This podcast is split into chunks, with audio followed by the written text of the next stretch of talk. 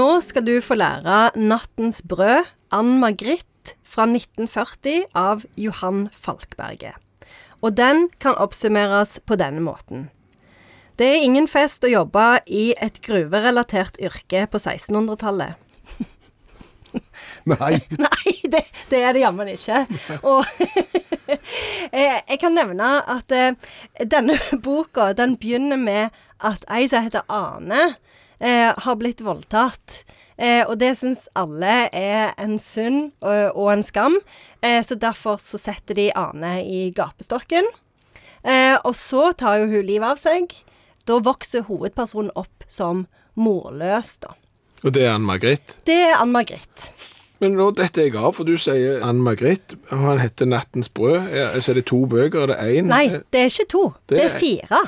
Fire bøker i Nattens brød-serien. For Jo ja. Falkberget han var sånn dette, dette liker jeg å skrive om. Mer om gruve. For dette, han var jo sjøl Altså, han var født i 1879, vel.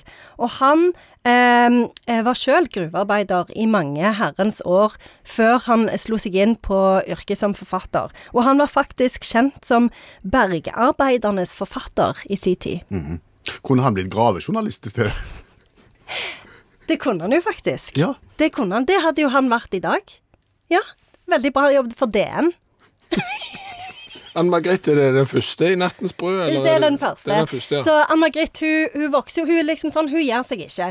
Veldig dårlig utgangspunkt, sant? Med gapestokken og alt det. Vi må. Eh, men Ann Margrethe, hun står på, hun gjør seg ikke. Hun kjører okser mellom smeltehuset og gruva. Ja, det andre huset. Jeg vet ikke helt hvorfor hun kjører, okser, men det er nok en grunn. Eh, og så treffer vi til slutt eh, en som blir veldig glad i, Johannes.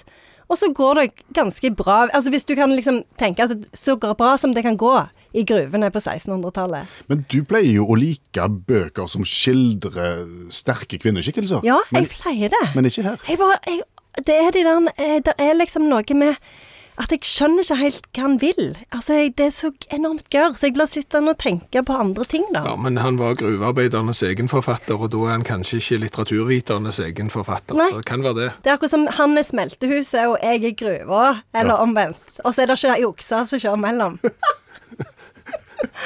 Dette høres jo nitrist ut Det fra ende til annen. det er så nitrist. Og det er så enormt vanskelig å forstå. Han hopper liksom fra ett eh, poeng til et annet. Sånn at det, liksom, jeg leser et avsnitt, og så leser jeg et til, og så er jeg sånn Hvordan henger de to sammen? Og det er veldig gammeldags språk.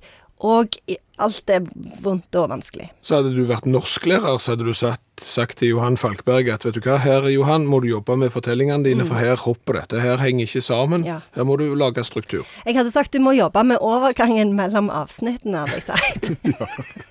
Men nå hører det jo med til fortellingen at dette her er jo faktisk eh, en request. Altså, vi har fått eh, melding fra ei lesegruppe som har prøvd å lese Ann Margrit, og som har måttet gi opp. Og en i denne lesesirkelen er jo faktisk norsklærer. Og har bedt oss om å, å ta opp boka Ja, for å se om de de- kan hjelpe på. Ja, for de orker ikke mer. Oi sann. Men har du et berømt sitat Ja. fra, fra 'Nattens brød' eller Ja. Ann-Margrit eller Falkberget? Ja. Eh, så her er, kan jeg legge til at kjempen er jo tydeligvis faren til Ane, altså morfaren til Ann-Margrethe, da. Eh, Så jeg må bare si det, for han er med i dette sitatet. Kjempen. Kjempen, ja. Okay. Så at det eh, Ane ble, ble, blir ofte omtalt som Kjempe-Ane. For de likte jo litt sånn gøye kallenavn på, på den tida. OK. Den kirkesøndagen Ane sto i gapestokken for medelst kjødet, satt kjempen hjemme i stuguen og vugget barnet på kne. Hun er i gapestokken, så hun kan ikke ta vare på dette barnet sitt. Så da er det kjempen som må trå til. Eh, og han eh, tar jo òg også oppdrar dette barnet etter at mor har tatt livet av seg, og, og må liksom gå rundt og prøve å tvinge eh, andre mødre til å amme henne, fordi det er ikke så lett å få tak i mat. Det er mye, mye, mye å tenke på. Men Klarer du å oppsummere verket for oss? Ikke spesielt godt, eh, men det føyer seg jo inn i, eh, føler jeg, en sånn en tråd av nitrist norsk litteratur, der hvis du tror det ikke kan bli verre, så kan det det, enten det er Amalie Skram, eller det er Arne Garborg, og så kommer Johan Falkberg, og så blir det bare enda verre. Ja, han skrur det litt opp til elleve, altså. Men det er en klassiker. ja, det er jo en klassiker. Ja. Så Hvorfor tenker jeg på Bør Bør sånn når du sier Johan Falkberget? Jeg håpte du skulle ta det opp, og han har jo faktisk skrevet Bør Børson òg. Akkurat. Ja. Jeg vil heller oppsummere den med et lite wienerbrød fra Størens bakeri. Kanskje det er nattens wienerbrød? Og tankene på glid. Tusen takk, Janne Stigen Drangsvold, forfatter og litteraturviter.